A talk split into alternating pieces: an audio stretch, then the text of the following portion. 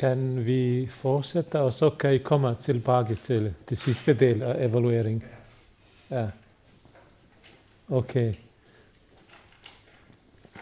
Som uh, dere uh, allerede ved, har vi foreslået et artikel uh, The Quran in Indonesian Daily Life. Jeg håber, at I har læst det.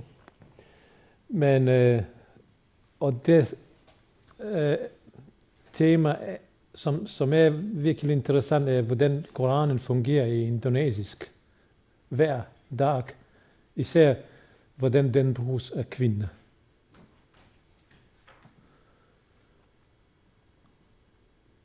Og en meget fin bukke, det er den samme forfatter, Anne Rasmussen, en amerikansk øh, professor i etnomusikologi, nok med skandinaviske rødder, fordi efternavnet indikerer, at det må være en skandinav. I hvert fald meget frekvent dansk efternavn. Øh, den er vældig fin, beskrivende. Øh, udkom som uh, Annes feltarbejde i Indonesien i flere år. Og dem, der er interesseret i den musikalske tradition og Koranen i den del af verden, så vil jeg anbefale boken varmt. og så nogle billeder, som igen er lidt usædvanlige for den del af verden, som vi kender. Mænd og kvinder bærer ved siden af hinanden. I den største indonesiske og samtidig største sydøstlige asiske moské, Istiklal i Jakarta.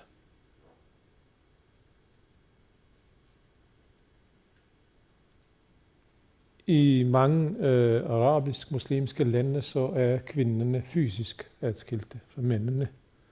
I andre moskéer så er de ofte oppe på balkoni, igen en fysisk adskillelse. I nogle tilfælde står de bag efter mændene, men her står de ved siden. Kan I se, altså det er kvindeafdeling, og så er det mændene. Den andre del.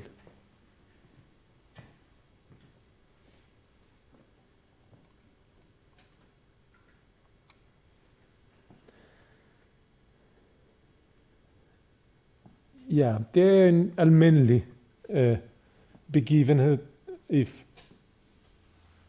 løbet af ramadan, hvor kvinderne samles, synge, recitere Koranen.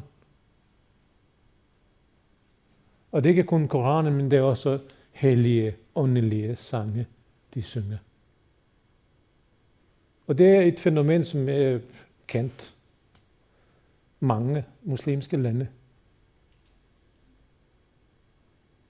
Dog ikke så meget øh, udforsket. Det er ofte kvindelige vestlige forskere, der, der kommer med interesse for kvindespørgsmål og går ind i de kredse. Ligesom Anne Rasmussen, som, som har tilbragt flere år i Indonesien.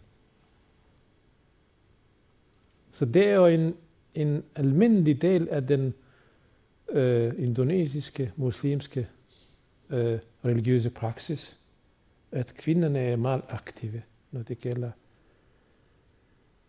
øh, især recitation, men også tolkning af Koranen. Et andet billede, som er jo fra Bosnien,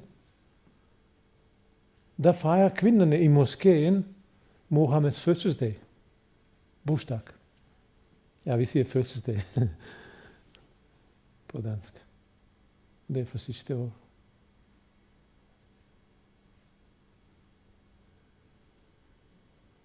Eh, sådan nogle øh, aktiviteter er ikke legitime i Saudi-Arabien. Ikke for kvinder, men generelt. Fejring af profetens første dag anses for at være en innovation. Det er ikke noget, profeten selv har gjort, og derfor skal muslimerne heller ikke gøre det.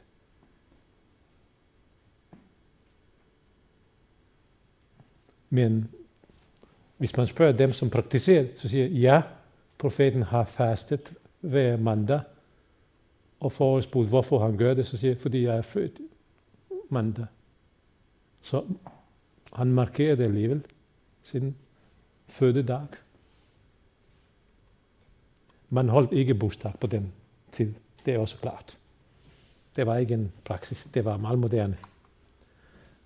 Kanskje det mest interessante, det er igen et billede fra Danmark. Og det er en lille bosnisk moské i Rannes, en by i Jylland. Og der fejrer man den øh, vigtigste nat i ramadan. Lejlet al-Qadr, som betyder skæbnenat. Lejlet er nat, Qadr er øh, afgørelse, skæbne. Og der reciterer de unge mænd,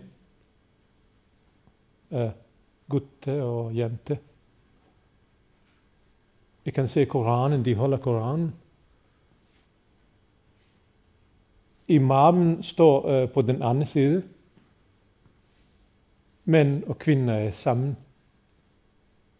Og det er øh, en fejring, der starter efter man har spist, øh, man har brudt faste efter dinner, ramadan middag.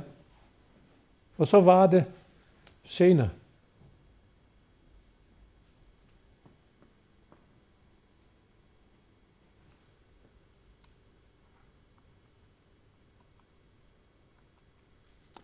Så Koranen og hverdagslivet.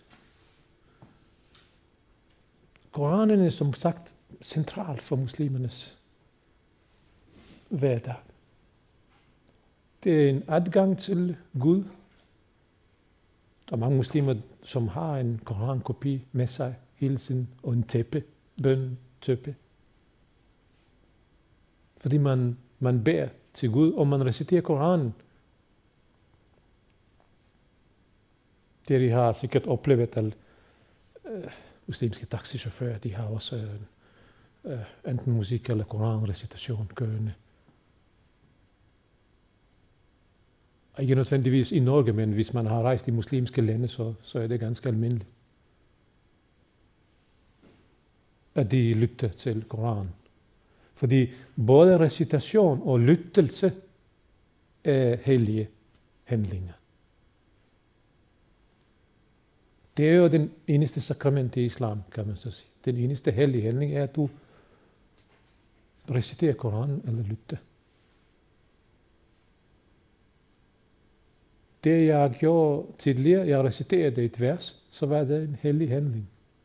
Det er ikke afgørende, om jeg forstår. Nej. Det vigtigste er, at jeg reciterer dem. Fordi tanken er, at man gengiver øh, de guddommelige ord, som Mohammed skulle have modtaget fra Gud. Og det er så en del af identiteten. Koranen er så central. Og den stammer naturligvis fra Mohammed. Og da vi nu snakker indonesisk tradition, så påstår indoneserne, at de i virkeligheden repræsenterer den autentiske islam.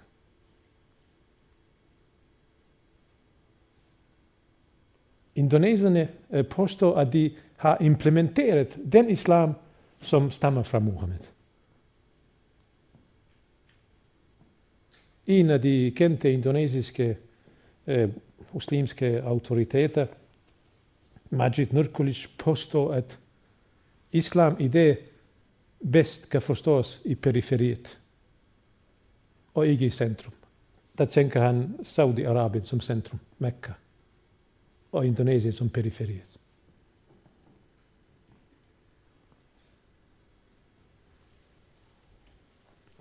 Så tanken er, at centrum har svigtet øh, eh, den oprindelige, og periferiet har fastholdt eller implementeret. De har for eksempel implementeret Koran i, i selve forfatningen, uden at nævne islam eller, eller Allah. Fordi de mener, at det må være den samme Gud, som er alle Indonesias Gud. Det er den kendte Pansasilla. Det er den første stykke af landets forfatning. Øh, det er især en øh, bevægelse eller en øh, reform øh, bevægelse, rettere sagt, som starter i 30'erne, og som gør, at kvinderne får en større rolle i samfundet. De begynder at være religiøse aktører i det offentlige. Repræsentanter for islam, altså både politiske og religiøse repræsentanter for samfundet. Så kvindelig stemme bliver vigtig, ikke kun som en stemme, der reciterer Koranen, men en politisk stemme.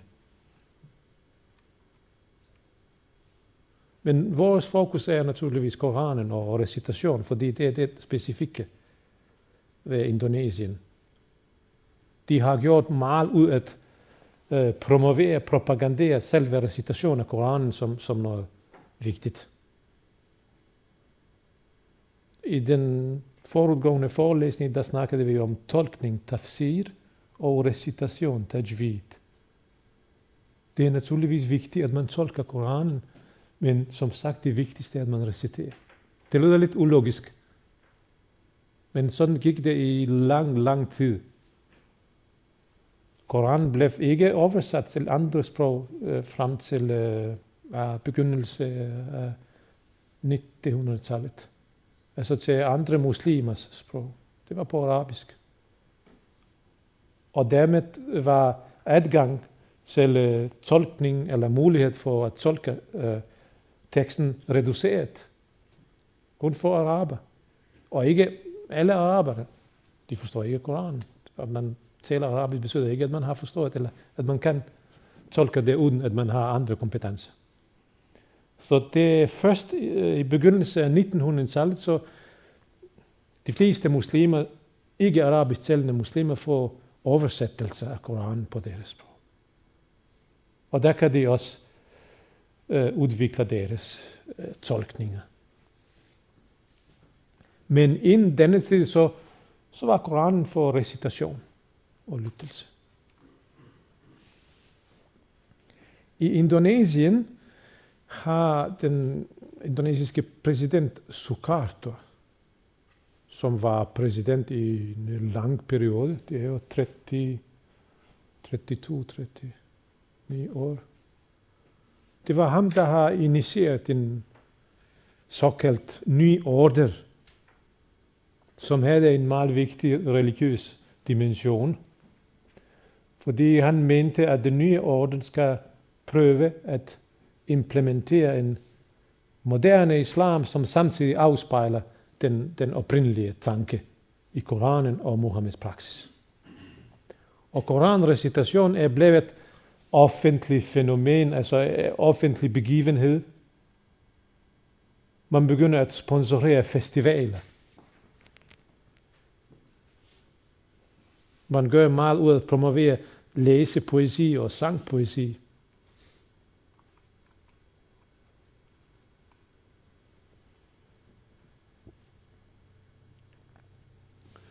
Og hvorfor? Igen, hvordan kan de relatere denne praksis til den oprindelige?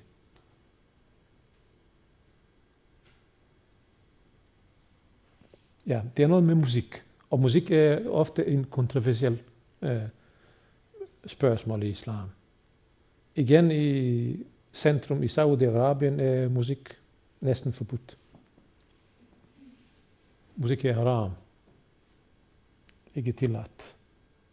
Så koranrecitation og musik, det hører ikke sammen. Men omvendt, enhver god recitation, tajvid af Koran, er musikalsk. Og jo mere musikal, jo, jo bedre recitation er. Så der er både sammenhæng mellem den musikalske og Koranen, men også en ortodox adskillelse mellem det, der symboliserer ægte tro, Guds ord, og det, der symboliserer noget rent menneskeligt og det er musik. Det er ud fra et ortodox syn, som samtidig fastholder forskelle mellem religion og kunst. Hvorfor i kunsten forsøger mennesket at imitere Gud. Og det er ikke okay.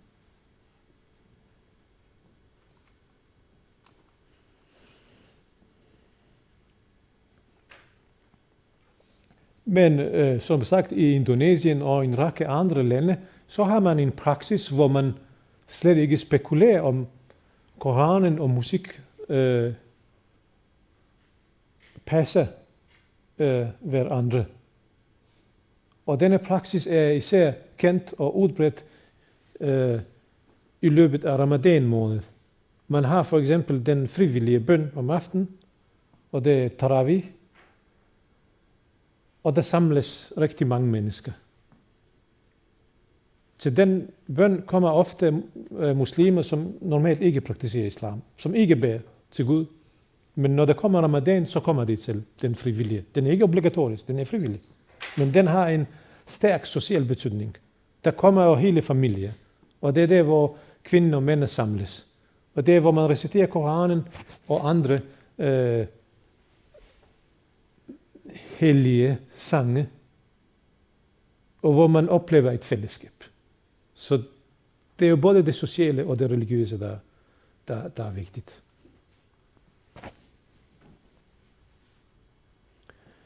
Eh, uh, Anne Rasmussen uh, snakker meget om festivalization of, of religion. Og det er, som, det er det specifikke ved Indonesien, at staten sponsorerer de store festivaler, konkurrencer. De har lokale konkurrencer om øh, for koranrecitation, hvor både mænd og kvinder, det er ofte unge mennesker, deltager. Og så har de regionale og så øh, landets konkurrence og internationale konkurrencer. Medierne følger det, tv, og så er det ofte ministre og statsminister, der er med, når det kommer til slut. Og dette hænger sammen med hele systemet. De har, de har nogle skoler, det er ikke de klassiske religiøse skoler med adresser, men heller ikke en almindelig koranskole. Noget imellem. Fordi de... Øh, altså det kan være... Ja, børn, som opholder sig i, hvad hedder det, en slags kollegiet, der hvor man har skolen. Og så har, kan de vælge at være der et eller to år eller tre. Og der reciterer man Koranen, der læser man Koranen. Bare et billede, det er en af disse skoler. Og alle er potentielle deltagere i, i, i Koranfestivaler. Så det er millioner indoneser, der, der, der, der, der deltager i, i recitationen af Koranen. Og så bliver man kendt, så bliver man stjerne, når man, når man indtager en af de første pladser. Og hver år organiseres sådan en festival. Pandok Pesantren. Det er det indonesiske ord. Pandok har jeg forstået betyder netop det, der svarer til kollegiet. Og Pesantren, det er madrasa en kollegie religiøs, et, religiøs, et kollegie for religiøs uddannelse. Så dette er forklaring, at hvordan at, kan det være, at Indonesien har gjort noget specifikt, at de har helt fra, fra bundet etableret nogle, nogle skoler med henblik på, at de skal for det første lære at recitere Koranen, som er vigtigt, og for det andet, så kan de deltage i, i det, som er meget populært. Musikfestival.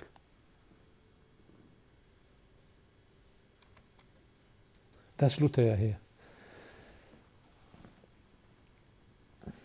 Og så har vi, nu har vi rimelig tid til spørgsmål og kommentar. Og der må I også gøre færdig. Evaluering. Ja. Jeg lurer på en ting i forhold til kildetekstene vi skal læse. Mm-hmm. Uh, I hvert fall meg som har på en måte litt kunnskap til hvordan man leser uh, f.eks. bibelvers i kirken. Mm-hmm. Når jeg leser Koranen, så kanskje jeg tenker litt i de baner. Mm-hmm. Men I stad, for eksempel, da du visiterte det um, verset uh, Ja. hadde du en litt annen Det, det har noe med språk å gjøre også. Men Ja. jeg lurer på, er det, er det, er det i den eh, rytmen som kanskje man heller burde le- lese en oversettelse av Koranen? Eller? Der, der er ikke en bestemt rytme, når det gælder oversættelse. Det er kun, når, når man læser den arabiske tekst. Og jeg har slet ikke reciteret det i rytme. Ja, jeg har gjort det. Jeg er bare en hurtigt recitation. Og det skal man øve. Man kan sige Bismillahirrahman i Guds navn, den barmhjerte. Men så rytme siger Bismillahirrahmanirrahim. Ja, og det skal man så lære. Jeg, jeg, har, jeg har ikke gået i religiøs skole. Ja, det må jeg sige. Det, jeg gik i, som liten barn i, i koranskole i moskeen. Og så min imam sidder nu i Luxembourg, han er imam i en moské. Jeg vidste godt, at du, du vil beskæftige dig med islam, selvom du holdt op med, med, med koranskolen. Så det er jo, du skal ikke tænke på, på, på det, når, når man læser oversættelse. Nej, det, det gælder det samme som, som i Bibelen. Ja. De fleste muslimer, de, de, de kan heller ikke den melodi. Det, det kræver, at du har øvet dig. Det er en skole. Ja. Og det er sådan vigtigste for dem, der leder bøn, imamerne, de skal recitere det smukt. Fordi selve melodi skal fange øh, opmærksom og være med til at skabe stemning. Hvis en imam ikke har en god stemme, eller ikke gør det på en smukt, fin måde, så, så siger øh, folk, nej, det, det er ikke så godt. Igen tænker man ikke så meget på viden, tolkning, kan vedkommende forklare det dybt. Nej, det er recitation, der er vigtigt. Ja. Bare en sånn, nevnte det tradisjon, at den var veldig sterk på Muhammeds tid. da. Det gjaldt sikkert også den jødiske tradisjonen. Mm -hmm. Men likevel så syns jeg, når jeg leser Koranen, da, så syns jeg altså Sånn som det kapittelet om kvinnene, f.eks., nevnte, Mm -hmm. så har det overskriften om kvinnene. Men det står veldig mye mer der enn bare om kvinnene. Altså det, de, de, det, altså de sklir liksom fra det ene tema til det neste. Eh, Liksom sånn, eh, nesten sånn tilfeldig, faktisk. Mm. Mm. Altså, ikke, ikke for å være negativ, men jeg syns det virker veldig sånn kaotisk og litt sånn ustrukturert. Eh, og at vi, ja, når vi er først liksom det, det som sitter og skriver dette her, da Mm. Det er Mm. Gud, det er- Mm. det er- Mm. Men, eh, men eh, Mm. det virker nesten sånn eh, frie assosiasjoner som går i liksom alle mulige Mm. rare Mm. retninger. Mm. Og veldig ustrukturert. Og da blir det også innholdsmessig litt vanskelig å gripe. Fordi det Mm. er så mange Mm. ting som, som går i alle mulige retninger. Og, og for å være litt sånn eh, Vi har jo lest mye i Bibelen og sånn. Altså, jødene har jo vært ganske flinke til å strukturere ting. Mm. I hvert fall på Mm. struktur. Mm. Kanskje, det er vel kanskje heller ikke finnes i utgangspunktet. Mm. Så jeg føler at kanskje det er litt mer en tekstlig tradisjon. At, det- at den, den tekstlige tradisjonen gir mer struktur, og at den muntlige tradisjonen kanskje åpner for mer eh, litt løsere struktur. Da. Jeg vet ikke. Det er en ganske relevant bemærkning. Og det er mange, der har den samme indtryk, når de læser Koranen. Den er ustruktureret, kaotisk. Og hvad er så forklaring? Altså, point, point var at samle alle åbenbaringerne i en bog. Det var ikke eksperter i den forstand, hvordan de skal struktureres. Der er blevet en gårde i det rækkefølgen af kapitlerne. De følger ikke den kronologiske, historiske rækkefølge. Det siger, der kommer de, de starter med en kort kapitel, som tilhører de, de, de tidligste åbenbaringer, og så fortsætter de med, med nogle af de sidste åbenbaringer, de langste kapitler. Og så var det spørgsmål, kunne de ikke deles, hvordan altså enkelte kapitler har tre sætninger, og andre har 253 øh, for eksempel.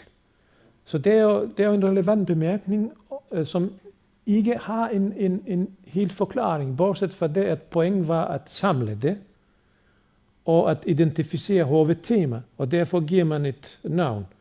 Men som du siger, øh, de lange kapitler, de omhandler mange forskellige temaer, ofte uden en sammenhæng. Men der er exegeter, som siger, at dette afspejler netop en realiteten, hvor man til dagligt diskuterer alle mulige emner. Og ombaringerne kom ikke som, som en plan. Nu skal der introduceres uh, kvindespørgsmål, og så kommer alt om kvinder. Ombaringerne afspejler den diskurs, som der var i Mohammeds tid, hvor forskellige mennesker spurgte forskellige ting. Og derfor virker det lidt kaotisk. Hvad skal man så gøre? Uh, Altså Hvis du Det- sammenligner med Bibelen, da, så ser du mange, mange av de eh, bøkene i Bibelen er jo mye mer tematisk orienterte. ikke sant? Noen er profetiske, og da er de veldig klare profetiske ja, ja, Andre er mer lov, lovregulerte i Gammeltestamentet. Og da er det liksom det hele veien. nemlig, Det nemlig, mer, nemlig. Altså det virker litt bedre strukturert i utgangspunktet, da. Ja, ja. Altså det er bare noe, ikke kritikk. Nej, nej, det er, en- det er en bemerkning, men, men uh, man kan ha en viss forståelse for, hvorfor det gikk sånn. En lang periode. Situasjonen var rett kaotisk. Den, den reelle situation. Ombarningerne afspejler den situation. Øh, Fazlur Rahman, som er en af dem, som blev øh, præsenteret her, han er fortæller for Koranhermeneutik, som netop går efter de tema. Man identificerer de verser, som omhandler den samme tema. Både fra den tidlige og andre perioder. Og så samler man verserne fra forskellige kapitler i en tema, tematisk enhed. Og det er så grundlag for tolkning af Koranen. Ja, en af dem. Der er også nævnt øh, øh, uh, uh, Muhammad al som siger, at Koranen er diskurs. Der er Mohammed, og der er muslimer, og der er Gud. Og der sker en altså diskurs imellem de tre. Vi kan ikke forstå Koranen rent som tekst. Koranen oprindeligt eksisterer slet ikke som, som tekst. Og jeg gav en definition, at Koranen eksisterer som prætekst på to måder. Først som en mundtlig fænomen, men også før den blev mundtlig fænomen, Koranen eksisterer som en idé, en tanke eller en hensigt hos Gud. Og se, Koranen er en tekst, altså det, det var utænkeligt at sige i Muhammeds sit. Koranen er slet ikke tekst. Koranen ligger hos Gud, og det er en tanke, en idé. Og så har vi en mundtlig øh, udtryk for denne tanke. Jeg tror, det var dig.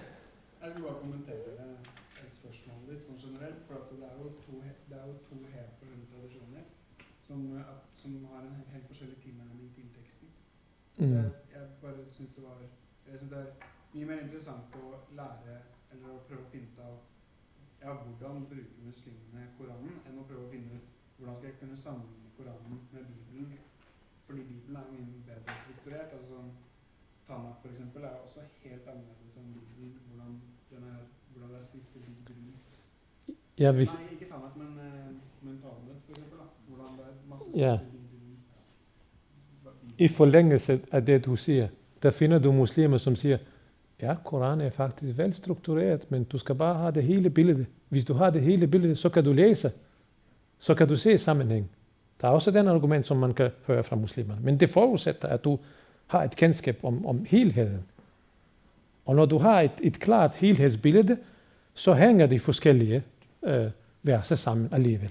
Så det er også noget med, om man er hvad hedder det, familie ved, ved teksten eller ej. Nej? Mm. det you ville si litt det samme som du sa nå, egentlig, som en kommentar. Mm. At, eh, jeg skjønner tanken, men så vil jeg også være litt uenig i at Bibelen er veldig strukturert. Altså hvis man leser den uten som, Ja, at man, når man har kjennskap til teksten, da, som en muslim leser Koranen, så blir det jo mye ny mening og sammenheng. Jeg tror har man, kan aner man fra Johannes' åpenbaring her, og leser den for første gang, så Ja. vil jeg ikke synes at den er så veldig Ja. Ja, man, man skal spørge en person, som for første gang læser Bibelen og Koranen, når det gælder struktur, eller en muslim, som læser Bibelen, som har en anden billede. Ja, det er også vigtigt, det er kontekst. Vi snakker jo hele tiden om kontekst. Så det er relativt. Du finder muslimer, som siger, Koranen er velstruktureret, det er kun overfladisk, hvis du, hvis du ikke kender til det. Så virker det ustruktureret, men på dybere plan, den er perfekt.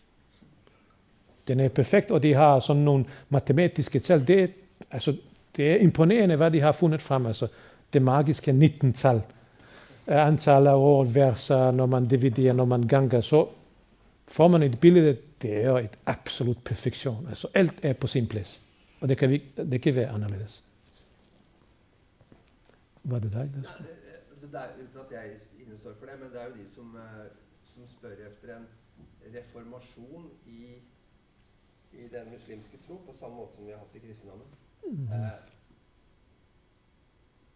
hvis det å resitere Koranen på arabisk uten å forstå det, så er jo veldig teksten veldig hellig.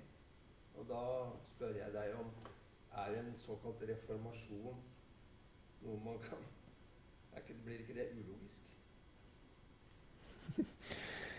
Ja Hvor skal jeg starte? Det, uh, I går var det en ledende vestlig islamforsker, John Esposito, der holdt en forelesning ved biblioteket. Mhm, ok. Og han vil uh, ja, Unnskyld meg. Han vil si det spørsmålet det er et protestantisk spørsmål. Ja, det er det. Ja. Og Esposito er selv katolikk. han sier islam behøver ikke reformasjon, Nei. men islam behøver reform. Ja. Reformasjon det er Ja, det er riktig. spesifikt. Ja, Ja. Og derfor reagerer han som katolikk. Ja. Og du spør om islam Ja. behøver reformasjon eller reform. Ja, reform. Reform, ja. ja, det er reform.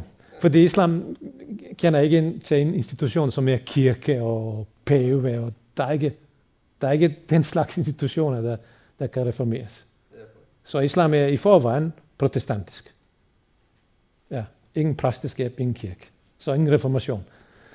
Men reform, ja, meget vigtigt. Meget vigtigt. Og så spør du kan man reformere islam når den bygger på en tekst som er hellig, og som ikke kan ændres eller Ja, fordi formen er hellig.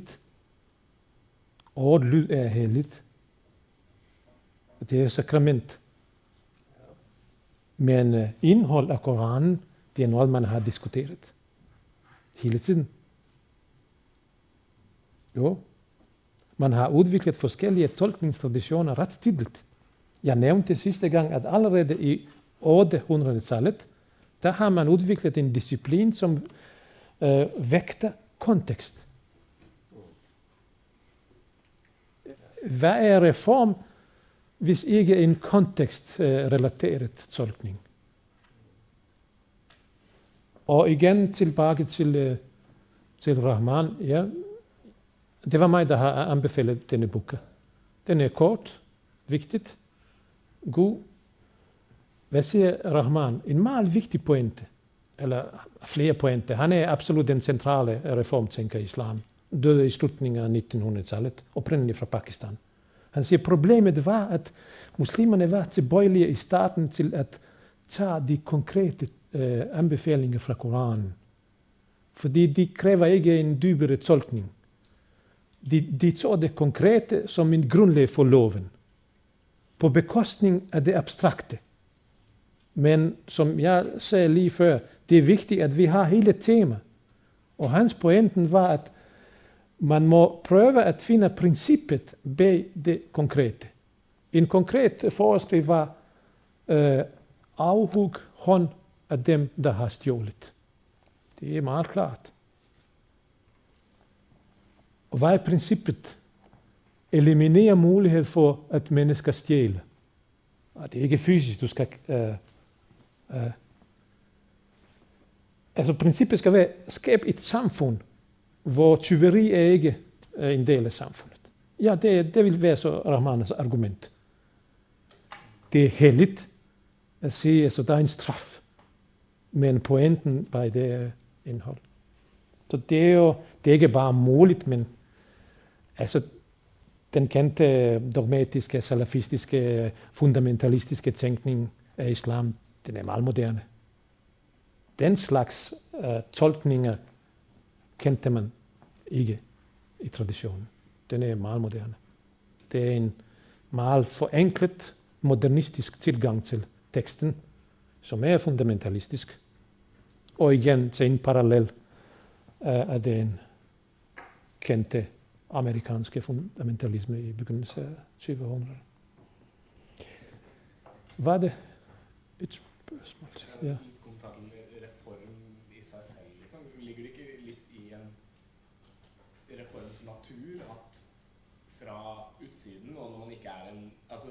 en reform gir mest mening i retrospekt, med mindre man er på innsiden av mm -hmm. bevegelsen. Mhm. Eh, mhm. Med mindre man er en del av det, så vil det ikke virke like naturlig, da, med mindre man ser på det bakover og, og ser hvordan det skjedde opp gjennom historien.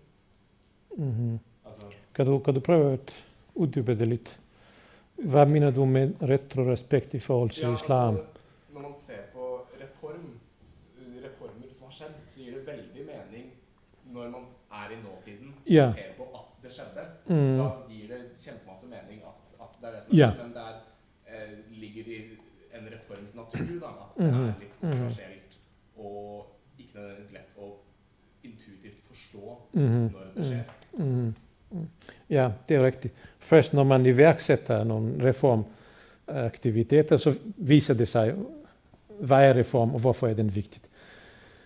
Øh, sagen er at der er mange kræfter, som modstår reform af islam i dag.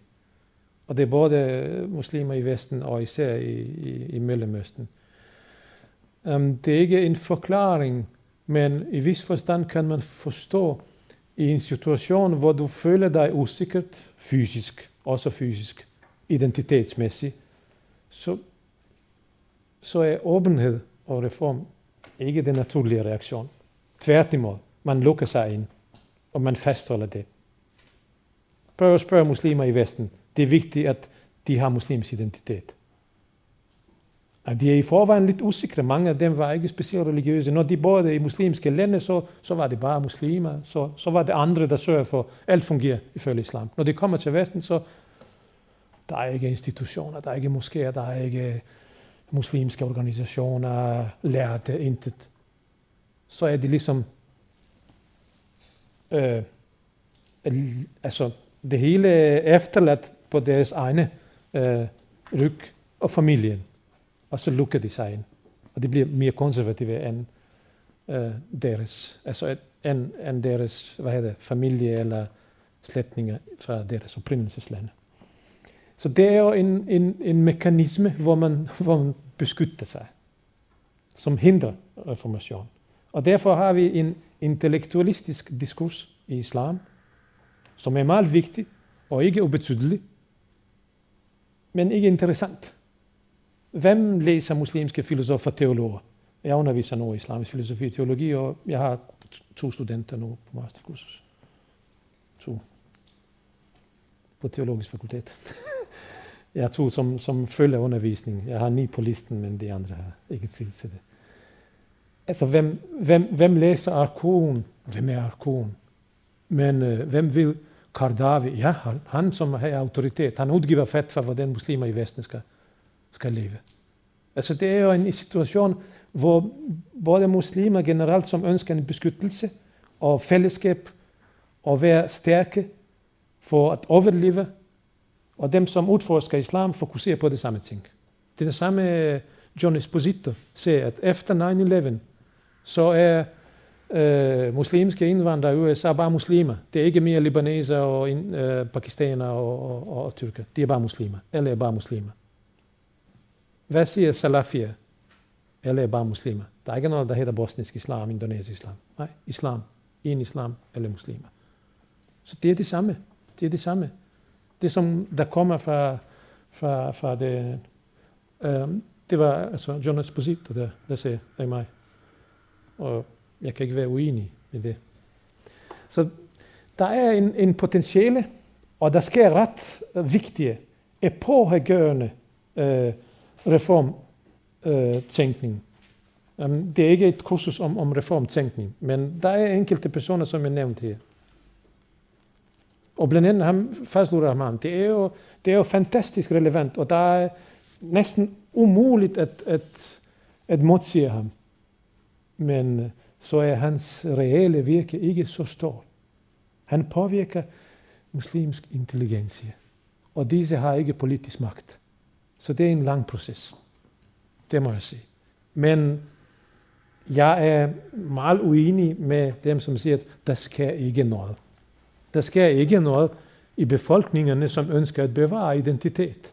Nej, det, de har andre interesser, ofte eksistentielle interesser. Men der sker rigtig meget på det teologiske og filosofiske plan. Og det må føre til en resultat. Før eller senere.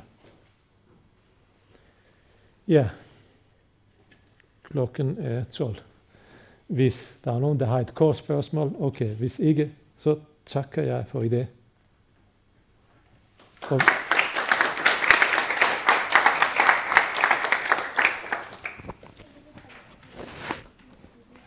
Or this